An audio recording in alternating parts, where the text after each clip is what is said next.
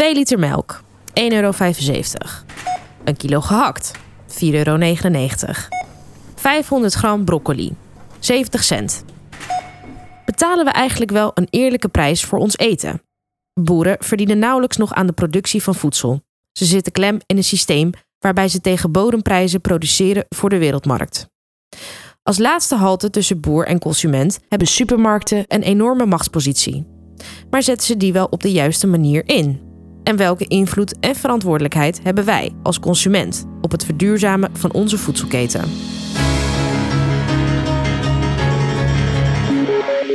Welkom bij de Zembla podcast. Mijn naam is Lilith Martirosova en vandaag spreek ik met Tom van der Ham en Suzanne Borst. Samen doken ze voor het vierde deel van de serie over de uitgeputte bodem in de wereld van de supermarkten.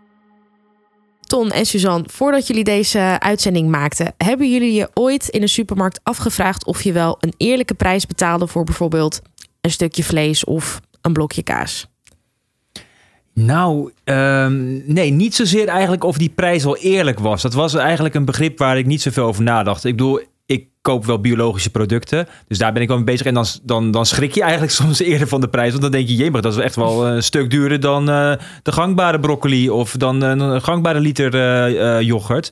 Maar of die prijs eerlijk was, nee, zo had ik er ook zelf nog niet naar gekeken. Nee, nee je staat er ook niet bij stil dat er zoveel verborgen kosten zijn. Ja, en denken jullie dat dit bij consumenten, andere consumenten ook speelt?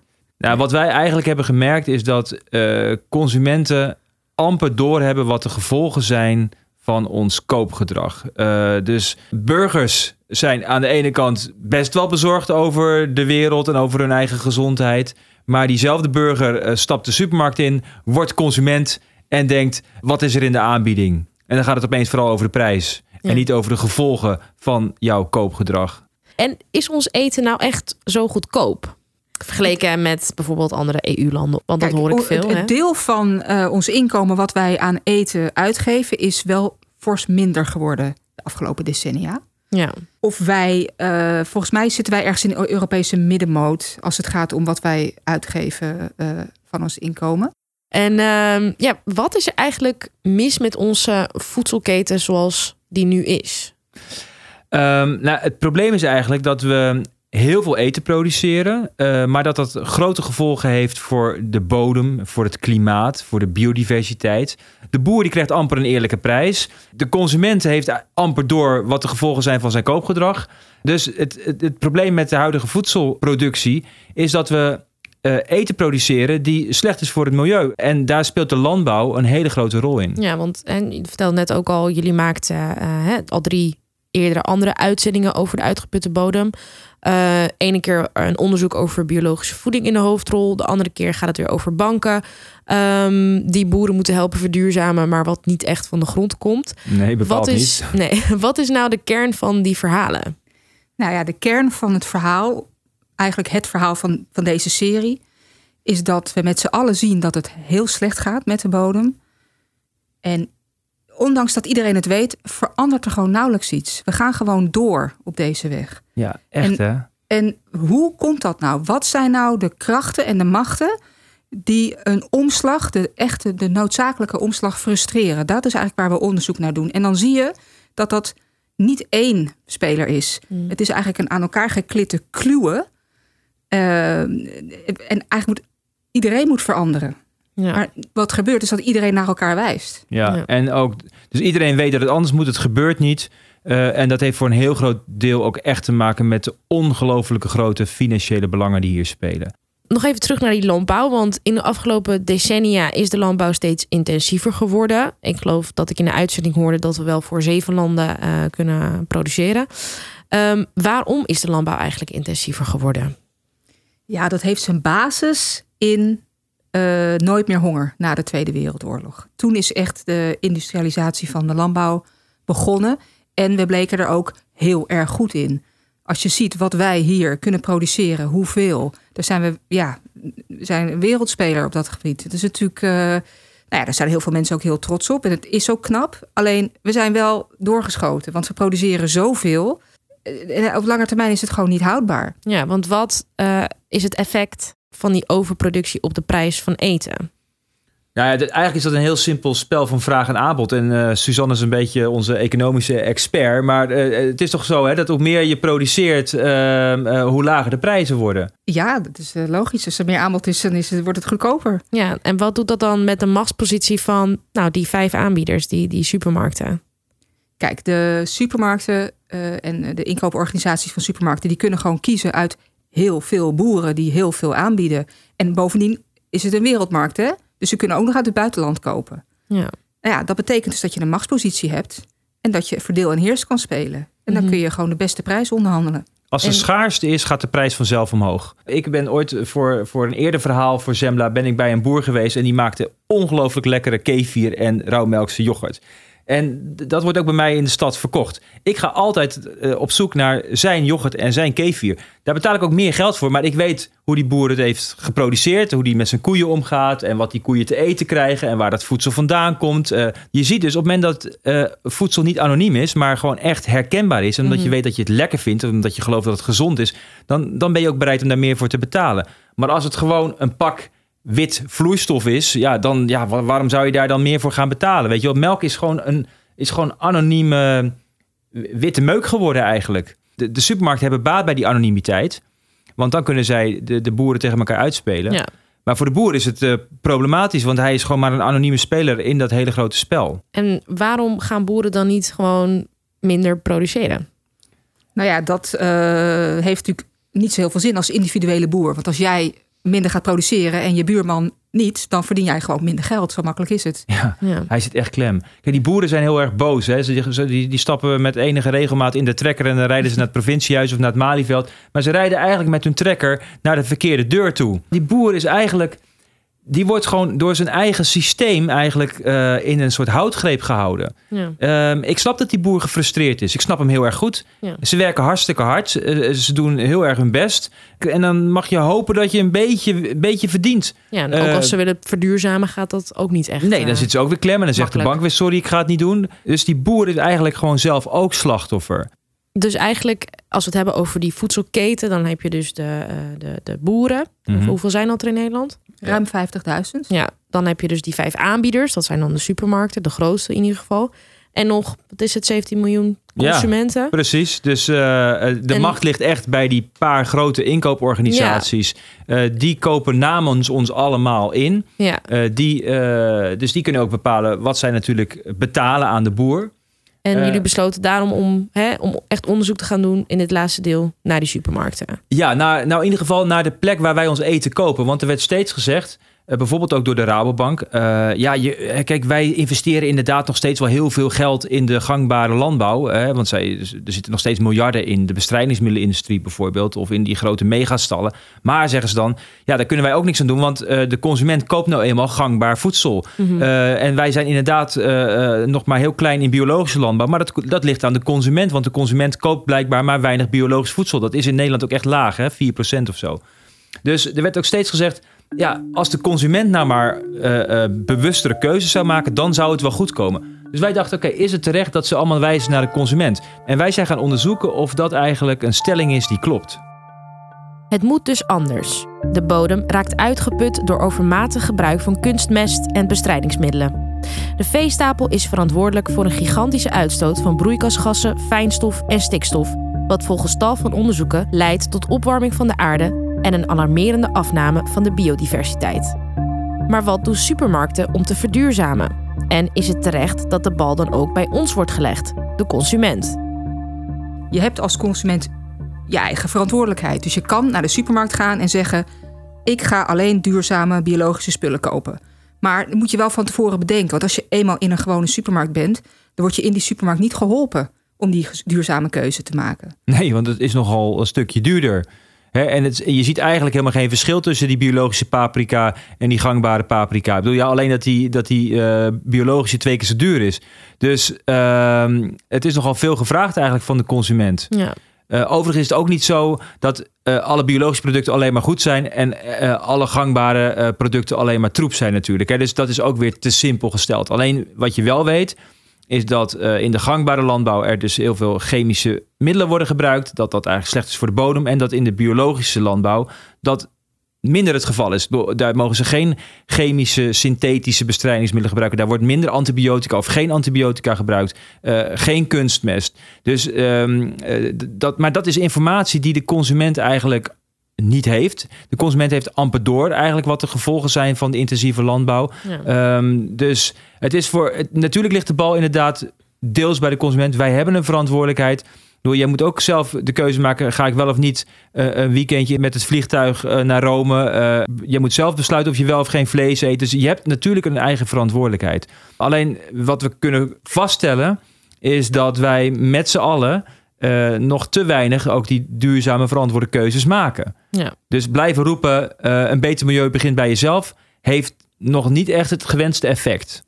Ja, in de uitzending zegt hoogleraar sociologie Willem Schinkel daar het volgende over. Het is wel heel grappig dat grote bedrijven vaak zeggen: ja, de macht ligt bij de consumenten. Dus je hebt hele mondiale infrastructuren waar enorm veel kapitaal gemaakt wordt, enorm veel geld verdiend wordt. Maar ze zeggen: ja, wij, hebben helemaal geen enkele macht. We zijn totaal machteloos, want die macht hebt u. Niemand trapt daar natuurlijk in. Waarom kopen wij onze spullen bij de supermarkt? Omdat ik nergens anders kunnen we toch heen. Maar dit is nu helemaal hoe het nu georganiseerd is. En het punt is, het is georganiseerd op een manier die de aarde uitbuit. Dus we moeten ervan af. Dus uh, consumenten als het ware de schuld geven, is een heel, komt de industrie heel makkelijk uit. Consumenten de schuld geven komt de industrie heel makkelijk uit. Jullie hebben onderzoek gedaan naar wat supermarkten doen om die keus om voor duurzaam te kiezen te bevorderen. Wat hebben jullie ontdekt? Ja, het grappige is, de supermarkten zeggen ook van wij vinden ook dat de consument centraal gesteld moet worden. En wij willen de consument ook daarbij gaan helpen en we willen de consument stimuleren. Maar um, feit is dat ze nog steeds elke week stunten met vlees.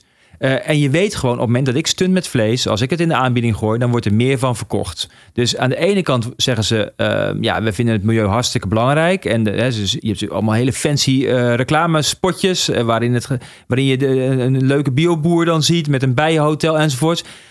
Ja, maar, dat, maar ondertussen verkopen ze dus gewoon nog steeds die kiloknaller. Ja. Het is allemaal zo dubbel. Ja, en onder de streep is het ook zo dat de verhoudingen niet... Ja, die zijn scheef. Dat, die heel scheef zijn. Van Absoluut. het aantal biologische duurzame producten en de gangbare producten. Het duurzame aanbod is natuurlijk veel minder. Je ziet wel uh, een stijging van het aanbod biologische middelen. Je ziet ook meer vegetarische producten mm -hmm. in de winkel.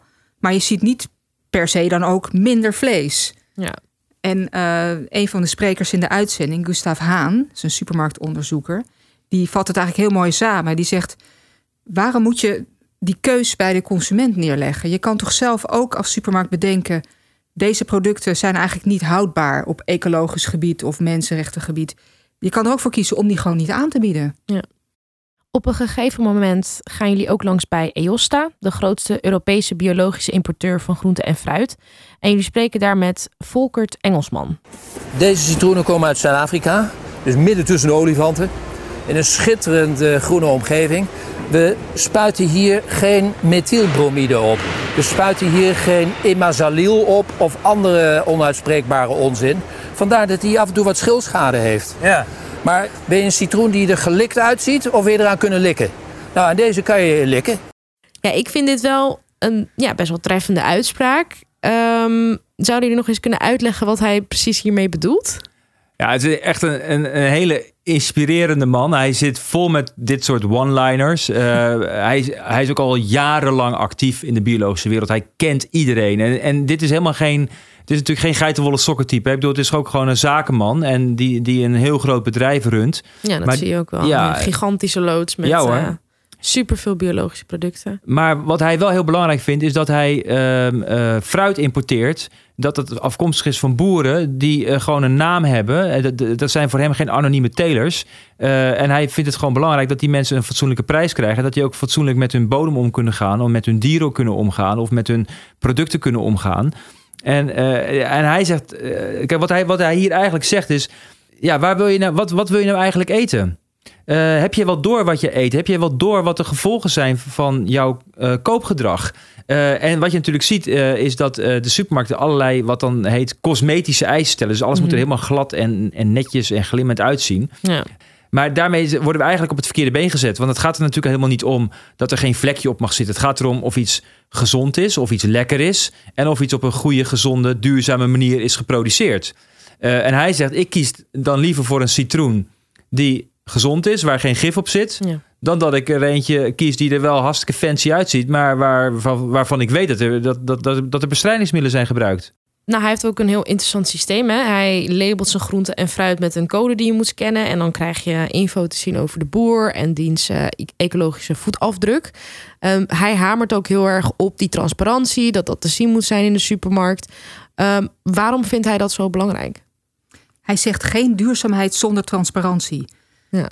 Meer duurzaamheid begint bij meer transparantie. Mensen moeten gewoon weten wat ze kopen. Ja. En toch uh, liggen zijn producten in Albert Heijn zonder die labels. Ja, ja dat klopt. Ja, hij uh, mag het er niet uh, op doen. Of, en wij hebben dat natuurlijk gecheckt mm -hmm. bij de grote supermarkten. En dan is hun verklaring: ja, wij kiezen graag voor uniforme verpakkingen.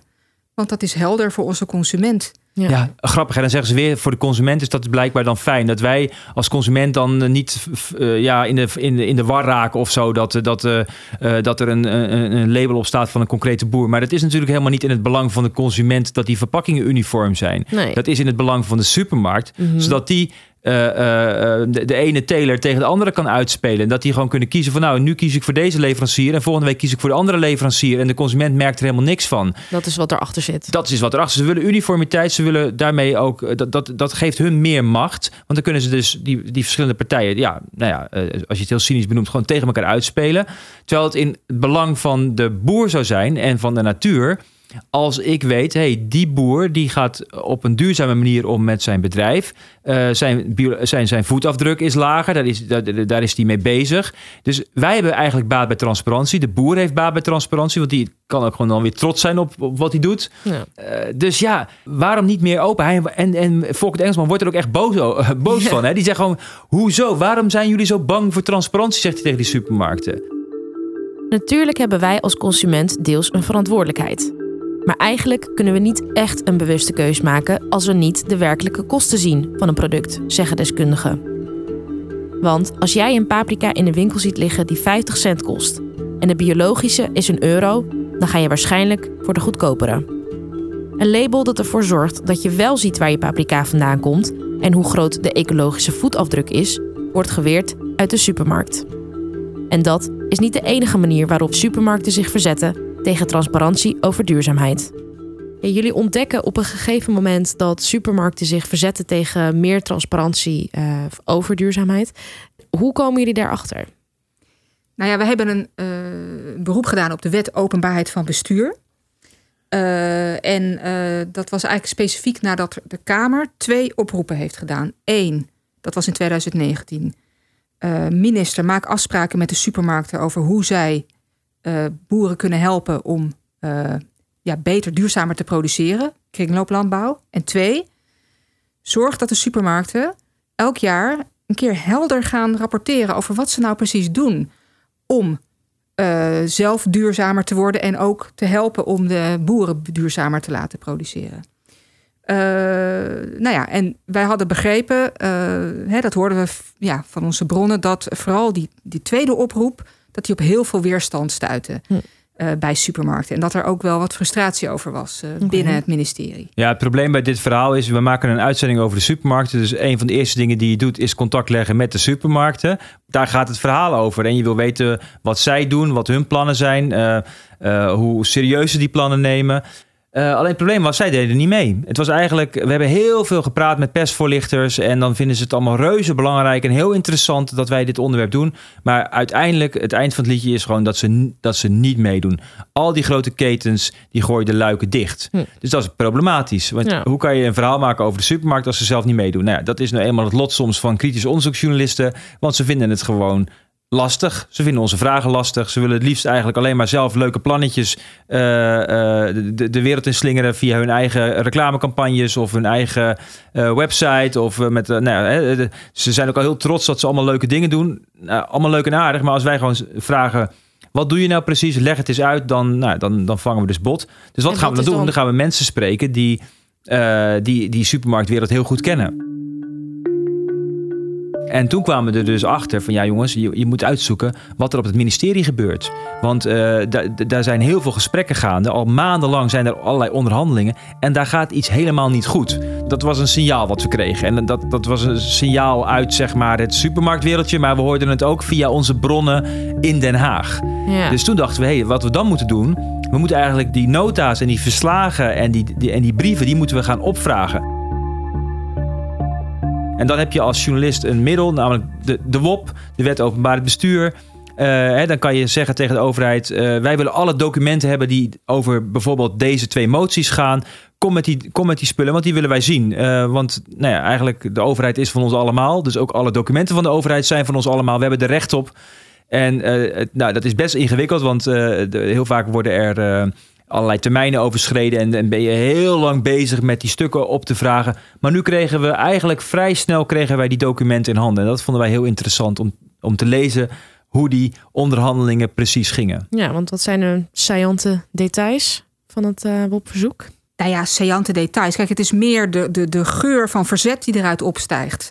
Vanuit de supermarkt. Ja, ja, ze willen gewoon niet. Ze willen, ze vinden het uh, concurrentiegevoelig. Ze vinden het uh, vertrouwelijk. Ze, vinden, ze zeggen dat ze er allemaal niks van snappen waarom het nodig is, die, uh, die transparantie. Ze vinden ook, ze doen al zoveel. Ja, ze vinden zichzelf ook zielig, want ze zeggen ook van de minister die praat zo lelijk over ons. En dat, dat, dat, hebben ze, dat punt hebben ze echt gemaakt. En die ambtenaren die gingen vervolgens zelfs helemaal uitzoeken wat heeft de minister de afgelopen tijd allemaal gezegd. En is dat inderdaad dan negatief?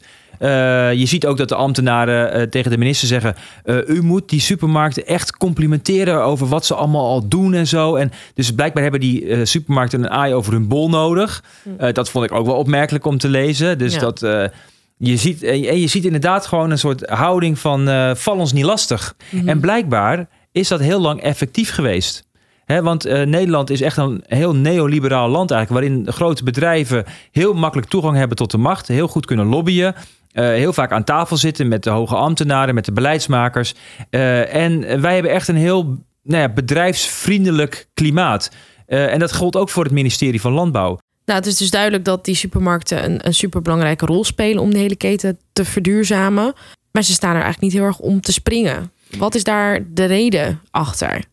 Nou, zelf zullen ze overigens zeggen dat ze het heel belangrijk vinden. Hè? Ze, ja. ze, ze, door Albert Heijn eh, zegt heel trots: wij zijn volgens de consumenten de meest duurzame supermarkt. Ja, alles is relatief natuurlijk. Maar dus zelf vinden ze het heel belangrijk, zeggen ze. En ze doen ook heus wat dingen. Mm -hmm. uh, wat Suzanne al zei: er, er, liggen meer vegetarische producten in de winkel. Uh, er wordt minder plastic gebruikt. Dus er, er gebeurt heus wel iets. Maar als het grootste gedeelte van jouw eten nog steeds gewoon anoniem mm. massa voedsel is, uh, ja, weet je, dan schiet het natuurlijk allemaal niet op. Nee. Dus er wordt allemaal wel leuk gepraat, maar ondertussen willen ze geen hele harde, pijnlijke beslissingen nemen. Ja, en wat zit daar dan achter? Waarom dan niet? Ik denk dat het uiteindelijk iedereen kijkt naar elkaar. Mm -hmm. en, en het is gewoon loeilink in zo'n in zo'n markt om te zeggen: wij gaan nu echt stoppen met uh, voedsel wat slecht is voor de bodem. Want als jij daarmee stopt, dan gaat de consument blijkbaar naar de concurrent. Het, het is ook zo dat. Uh om die reden supermarkten er niet eens negatief tegenover staan als er normen komen van de, uit de overheid over duurzaamheid. Niet over transparantie, hè? daar zitten mm -hmm. ze niet op te wachten.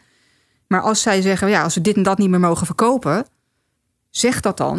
Mm -hmm. hè, want dat geldt het voor iedereen. Maar als ik zelf de beslissing moet uh, nemen om geen uh, gangbare melk meer te verkopen, ja, dat, dat durven ze niet. Want dan, uh, hè, dus de supermarkt twee straten verderop heeft het wel. Daar gaan ja. je klanten. In de uitzending zien we ook een interview met demissionair minister Carola Schouten van Landbouw. Jullie vragen haar wat zij eraan doet om die supermarkten in beweging te krijgen, om transparanter te zijn over hoe duurzaam ze zijn.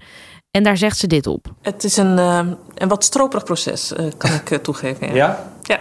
Ja, ik had ook gewild dat we daar gewoon sneller ook tot afspraken konden komen. En hoe gaan die gesprekken dan?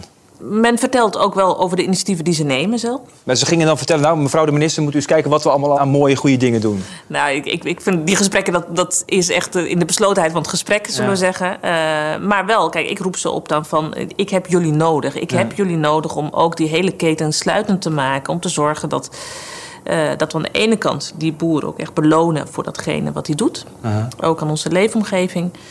En aan de andere kant om de consument daar ook inzicht in te geven, om bewust van te worden. Um, ja, en wat zeggen ze dan? Nou ja, dan, dan um, is het vooral gewoon het benoemen van de eigen initiatieven. Ja, maar, dat is dan toch, maar dat is toch echt onvoldoende? Nou, er zijn wel eens momenten dat ik denk, jongen, ehm, waarom duurt het allemaal zo lang? Eigenlijk zegt Schouten, het schiet voor geen meter op. Ehm, hebben die supermarkten dan zoveel macht dat zij dit kunnen blijven traineren? Ja, kennelijk wel. Hè? Dus blijkbaar, ik bedoel, het is natuurlijk net als je, hoe streng is de juffrouw in de klas? Eh, als de juffrouw niet streng is, dan eh, blijven die, ki- die, die kinderen klieren. Eh, Dus je zou kunnen zeggen, de juffrouw moet strenger optreden. En daar, zo gingen we ook dat gesprek wel een beetje in. En dat wist de minister ook. Ik bedoel, we hebben gezegd, wij willen u graag interviewen. omdat wij zien dat u eigenlijk vindt dat het anders moet, maar het gebeurt niet. En hoe zit dat nou? Ja. En we hebben dus die, die, we hebben al die nota's en die verslagen gelezen. Eh, dus zij wist wel dat, wij een, dat het een interessant kritisch vraaggesprek z- zou worden. En ik heb ook het idee dat zij echt oprecht ervan baalt dat het zo langzaam gaat. Eh, maar ook zij is weer deel van het systeem. Zij heeft ook weer te maken met een coalitie met, met andere politieke partijen die eh, dingen weer niet willen. Eh, en ze komt ook uit een. Ze, ze, ze, ze zei, ze zei ook in het interview: dit ministerie is ook heel erg. Komt ook heel erg uit een wereld van eh, hoge producties en lage prijzen en ruim baan aan de industrie. Dus het is ook eh, dat, dat er een systeemverandering nodig is. Daar is zij zich heel erg van bewust. Maar ze zegt ook: het is ook een beetje hoogmoedig om te denken dat ik dat in vier jaar eventjes voor elkaar box. Maar Ja. er, is ook wel, eh, er is ook wel ongeduld bij bijvoorbeeld eh, een, een partij als D66. eh Tjeerd de Groot zegt ook in onze uitzending... de minister moet gewoon die supermarkten bij de ballen pakken. Ja, ik vind het niet een hele fraaie metafoor. Maar wat hij bedoelt is natuurlijk wel duidelijk. Van jongens, als de, de Tweede Kamer gewoon wil... dat de supermarkten elk jaar rapporteren wat ze precies doen... dan moet je het ze gewoon verplichten. Mhm. Eh, dus ehm, je kan wel blijven onderhandelen met ze, maar op een gegeven moment moet je gewoon regels stellen. Ja. En dat is wat we de hele tijd hebben gezien in ons onderzoek. Ze zitten allemaal met elkaar aan tafel. Ze zeggen allemaal dat ze het, het, eh, nou ja, het ook heel erg belangrijk vinden. Ze prediken allemaal het groene evangelie. Maar ondertussen iedereen vooral toch aan zijn eigen belangetjes te denken. En dat is eigenlijk heel erg cynisch. Terwijl heel veel burgers daar wel ook een beetje klaar mee zijn. Ehm, maar weet je, we moeten gewoon. We hebben echt een overheid nodig die gewoon zegt tot hier en niet verder. En in die zin is het nu een spannende tijd. Hè? Er komt hopelijk toch op een gegeven moment wel een keertje een, een, een, een nieuw kabinet. ja. eh, die weet dat dit een heel belangrijk onderwerp is. ja. Eh, nou ja, eh, ik zou zeggen, laat, laat een beetje leiderschap zien. En, en, en pak dan ook echt die, pak die landbouw dan ook aan. Zorg dat het duurzamer, beter en gezonder wordt. Ja, de minister komt nog wel met een interessant idee in jullie uitzending, waarbij wij als consument misschien gestimuleerd worden om duurzamer te kopen. Wat is dat idee? De minister heeft in onze uitzending gezegd van ik wil eigenlijk dat er een heffing komt op niet duurzame producten. En dat is super interessant dat zij dat zegt. Ja. Eh, en de- eigenlijk is dat het principe van de vervuiler betaalt. Eh, als jij iets koopt wat eigenlijk vervuilend is, dan moet je eigenlijk daar extra voor betalen. eh, om, nou ja, om te compenseren dat jij dat wil eten. Dus als jij, als jij een hamburger wil eten, nou ja, dan ga je gang. Maar dan zit daar wel een heffing op. Eh, en dan, dan ben je, misschien koop je er dan eh, minder van. Mhm. Hè? Dus, dus ben je bewuster dat dat gewoon dus vervuilend is. Eh, en dat extra geld moet dan worden gestopt eigenlijk in het verduurzamen van de voedselketen. Dat is het idee van de minister. Ja. En dat is eigenlijk best wel, het is voor het eerst dat zij daar zo expliciet voor pleit. Ja, en ze heeft ook laten onderzoeken of het uitvoerbaar is, Ja. toch? Het schijnt te En werken. Wat, eh, schijnt het te Ze werken? heeft een onderzoek laten doen. En dat was specifiek over vlees. Mhm. Hoe zou je dat eh, kunnen beïnvloeden en be- beprijzen? En dan eh, blijkt dus dat de variant van een heffing op vlees... en die dan niet in de belastingpot doen... Hè, maar terug laten vloeien naar de boeren... zodat zij met dat geld kunnen verduurzamen. Dat had eh, de beste papieren, die optie. En waarom is die heffing er nog niet? Haha, Het ja. klinkt als een goed idee. Ja, dat, vro- dat vroegen wij dus ook aan de minister. Waarom is het er dan nog niet? Ja, zegt ze, eh, daar was geen draagvlak voor. Wat bedoelt ze daarmee? Ja, dat is dan eigenlijk politiek jargon voor ik heb het er niet doorheen gekregen. Eh, de, de, de, ik zit in een coalitie met, met partijen die daar geen zin in hebben. Eh, je kan ook zeggen, je hebt niet hard genoeg je best gedaan. Dus ik bedoel, eh, het is natuurlijk een interessante vraag. Eh, loopt minister Schouten nou tegen de, de, de grenzen op van, van zo'n coalitie? Of heeft ze zelf, is ze, niet, is niet streng genoeg geweest? Ik heb het idee dat zij echt wel vindt dat het anders moet en dat ze daar ook wel hard haar best voor heeft gedaan. En tegelijkertijd moet je ook constateren dat zij dus die supermarkten nog niet zo ver heeft gekregen dat ze duurzaamheid echt niet alleen met de mond beleiden, maar dat ze ook Mhm. laten zien wat ze doen. Eh, dat er nog steeds geen eerlijke prijs voor boeren wordt betaald. Weet je, al die dingen. Eh, ja, en daar zegt ze zelf ook van, ja, ik had echt gehoopt dat dat sneller was gegaan. Tot slot, eh, dit was voorlopig het laatste deel van de Zembla-serie over de uitgeputte bodem. Ehm, ja, we zien eigenlijk in al die uitzendingen dat we niet op dezelfde voet uh, door kunnen gaan zoals nu. Er moet iets veranderen. Maar ja, de wil om te veranderen is niet heel groot. Is dat ook een beetje de conclusie die jullie trekken? Ja, uh, maar ik wil ook niet al te cynisch zijn, want je ziet ook voorbeelden dat het anders kan. Je ziet boeren die toch tegen beter weten in omgaan. Je ziet dat er andere, je ziet ook initiatieven die zeggen, weet je, dan gaan we wel buiten de supermarkten om. Dan gaan we gewoon met z'n allen gewoon uh, uh, het herenboerenprincipe bijvoorbeeld. We gaan met z'n allen dan zelf al een boerderij runnen. Nou ja, weet je, dus je ziet wel degelijk dat het anders kan. En dat vind ik ook wel weer hoopvol. En je ziet dat jonge mensen gaan protesteren en dat die gewoon uh, op de gevel klimmen van de Rabobank en zeggen stop met het investeren in pesticiden. Mhm. uh, je ziet dat de Rabobank op een gegeven moment ook erkent van wij beschuld aan het systeem. Uh, we spreken een minister die zegt uh, ik vind dat er een heffing moet komen op niet duurzaam voedsel. Dus je ziet ook wel weer veranderingen. Alleen de grote vraag is natuurlijk gaan ze snel genoeg? ja, en dat weet ik ook niet. Want zoals meneer Engelsman zegt van EOSTA de aarde staat wel in de fik, jongens. Ik sprak met Tom van der Ham en Suzanne Borst. Meer weten over dit dossier? Kijk dan op onze website bnnvara.nl/slash zembla. Ik zet ook nog even de link in de show notes. Dit was de Zembla-podcast. Ik vind het leuk als je laat weten wat je van de aflevering vond. Dat kan in een reactie of via Twitter, Facebook of Instagram. En vergeet niet je te abonneren.